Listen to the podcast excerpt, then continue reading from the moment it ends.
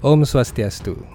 Setelah menyimak bagian pertama pembahasan tentang asal-usul umat manusia, kita mendapatkan informasi dari sejarah Weda bahwa manusia adalah spesies yang berbeda dengan manusia kera atau wanara. Hal ini didukung oleh bukti-bukti dari kitab suci Weda, terutama dalam sejarah Ramayana, Mahabharata, serta catatan sejarah yang lebih tua. Pencarian tentang jati diri dan tujuan kehidupan manusia telah menjadi topik menarik di setiap zaman. Menurut kitab suci Veda, penciptaan manusia memiliki tujuan yang istimewa. Dan karena itulah manusia menempati posisi istimewa. Bagaimana proses penciptaan manusia menurut Veda? Siapakah manusia pertama dan apa keistimewaan manusia di antara makhluk lain di alam semesta? Semua pertanyaan itu akan dibahas tuntas dalam Hindu Times Channel. Pembuatan konten video ini membutuhkan waktu yang lama, studi yang serius, serta usaha yang intensif dari seluruh tim redaksi. Kami berterima kasih apabila Anda berkenan mengapresiasi keseriusan kami dalam memberi informasi tentang mutiara-mutiara pengetahuan Weda. Dengan mengklik like dan subscribe di bagian bawah video ini, Anda telah memberikan penghargaan untuk usaha kami dalam mengembangkan konten-konten terpercaya. Anda juga dapat berkontribusi dengan mengajukan pertanyaan seputar Hindu. Pertanyaan terpilih akan dibahas dalam episode podcast kami yang hadir setiap minggu.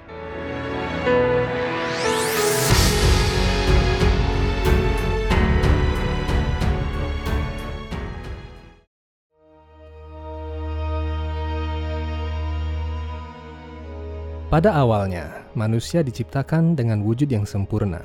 Dengan kata lain, wujud manusia di masa lalu lebih sempurna daripada wujud manusia saat ini. Tidak hanya wujud manusia, keadaan planet bumi pada masa lalu jauh lebih mendukung kehidupan daripada saat ini. Menurut berbagai kitab Purana, pada masa lalu, bumi memiliki pohon-pohon yang menjulang sangat tinggi dan besar, serta ukuran badan makhluk hidup yang jauh lebih besar dan kuat daripada sekarang. Situasi ini hanya dimungkinkan jika bumi memiliki kadar oksigen 25 hingga 30 persen. Kita dapat melihat bukti-bukti dalam kitab suci Weda bahwa manusia di masa lalu bisa hidup lebih lama dan bisa bernafas lebih jarang.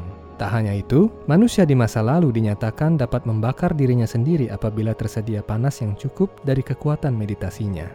Bahkan pada zaman Mahabharata, seorang raja yang berpidato tidak memerlukan pengeras suara. Jika kadar oksigen dalam atmosfer lebih tinggi dari sekarang dan tekanan udara saat itu lebih tinggi pula. Dengan kadar oksigen yang lebih tinggi, seseorang bisa menahan napas lebih lama dan sel-sel tubuh bisa tumbuh lebih optimal. Tekanan udara yang tinggi memungkinkan bunyi merambat lebih jernih. Karena itulah, mantra-mantra Weda pada masa lalu memiliki efek yang lebih signifikan daripada zaman ini. Pada zaman Kali Yuga, kadar oksigen di atmosfer bumi menurun hingga titik 21%. Ini mengakibatkan ukuran tubuh makhluk hidup mengecil. Bahkan dinyatakan bahwa pada akhir zaman Kali Yuga, ukuran tubuh manusia akan menjadi setengah dari ukurannya saat ini. Semua ini bisa terjadi disebabkan oleh menurunnya jumlah oksigen di atmosfer, menipisnya lapisan ozon, dan berkurangnya tekanan udara. Karena itu pada zaman Kali Yuga, umat manusia dinyatakan berada dalam tahap kemerosotan. Faktor alam dan lingkungan mempengaruhi kualitas badan manusia di setiap zaman. Di zaman ini, manusia tidak bisa lagi menahan napas dalam waktu yang lama karena kadar oksigen sudah jauh berkurang. Manusia juga tidak bisa tumbuh setinggi 8 hingga 10 meter seperti di zaman-zaman sebelumnya karena berkurangnya jumlah oksigen di atmosfer. Oleh karena itu, tubuh manusia di zaman Kali Yuga tidak cocok untuk melakukan pertapaan yang keras. Melihat kondisi manusia yang merosot pada zaman Kali Yuga, Tuhan Sri Krishna memberikan kemudahan bagi umat manusia untuk mencapai kematangan rohani. Dengan hanya mengucapkan nama suci Tuhan Sri Krishna secara teratur, umat manusia bisa mencapai kesempurnaan rohani yang dicapai di zaman-zaman sebelumnya dengan meditasi dan astanga yoga yang berat. Inilah sebab mengapa di zaman Kali Yuga ini Tuhan menurunkan metode yang mudah bagi manusia untuk mencapainya. Karena sejarah Weda sangat panjang, maka ada banyak peristiwa penciptaan ras manusia dari zaman ke zaman. Setiap awal penciptaan, ras manusia selalu diciptakan ulang. Karena penciptaan dan peleburan semesta telah terjadi berulang kali, maka penciptaan manusia juga terjadi berulang kali. Pada awal penciptaan, manusia diciptakan dari badan Tuhan Sri Krishna. Pertama-tama, Tuhan Sri Krishna masuk ke dalam setiap alam semesta dalam wujud Wirat Purusa, atau Tuhan yang Maha Besar. Karena itu, beberapa golongan manusia memuja Tuhan sebagai alam dan alam sebagai Tuhan. Sesungguhnya ini adalah pemujaan kepada Wirat Purusa. Dari kepala Wirat Purusa muncullah golongan Brahmana atau golongan Cendikia. Para Brahmana lahir dari sifat satwam atau sifat kebajikan. Dari bahu Wirat Purusa lahir golongan ksatria yang melindungi tatanan masyarakat. Para Waisya atau golongan penggerak ekonomi lahir dari pinggang Wirat Purusa. Dan para Sudra atau kalangan pekerja lahir dari kakinya. Keempat golongan masyarakat ini pasti ada dalam masyarakat manusia, apa pun jenis keyakinannya. Golongan rohaniwan, administrator, pelaku ekonomi, dan pekerja adalah empat golongan yang selalu ada dalam masyarakat manusia. Karena itu kitab suci Weda mengajarkan, keempat golongan manusia ini akan membentuk sistem kemasyarakatan yang teratur dan harmonis.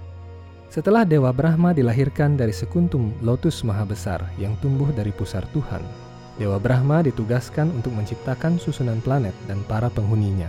Kemudian melalui energi penciptaan, Dewa Brahma menciptakan sepuluh makhluk agung dari badannya, yakni Marici, Atri, Anggira, Pulastya, Pulaha, Kratu, Brigu, Wasista, Daksa, dan Narada. Sepuluh kepribadian agung ini adalah sepuluh manusia pertama yang sempurna. Dari sepuluh putra pertama Brahma ini, lahirlah berbagai jenis makhluk hidup, termasuk manusia.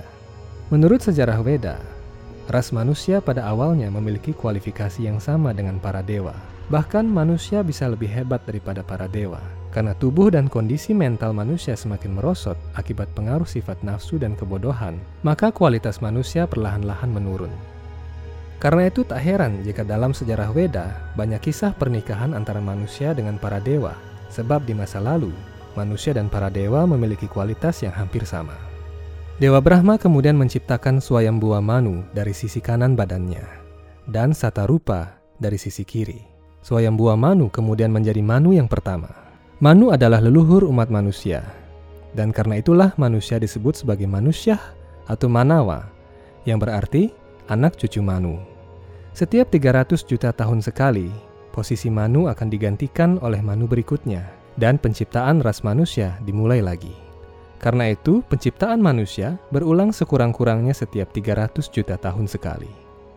Manu sebagai leluhur manusia tidak tinggal di bumi, Beliau tinggal bersama Dewa Brahma di Satyaloka, planet paling tinggi di satu alam semesta.